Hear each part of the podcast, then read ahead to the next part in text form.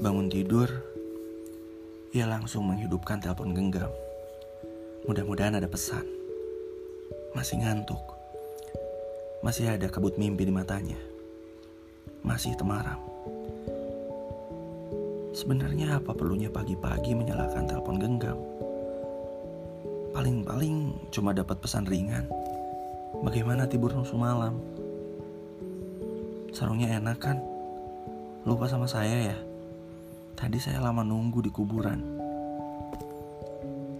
Azan subuh berkumandang, penuh hujan. Ia buka telepon genggam.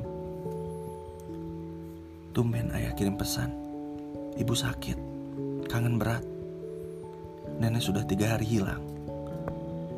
Makam kakek belum sempat dibersihkan. Sarung ayah dicuci orang. Uang stabil, pohon nangka di samping rumah tumbang. Bisa pulang? Bisa minta izin telepon genggam? Pesan terakhir, musik. Telepon genggam menyanyikan The Beatles. Mother. Panggilan pulang, Joko Pinurbo 2003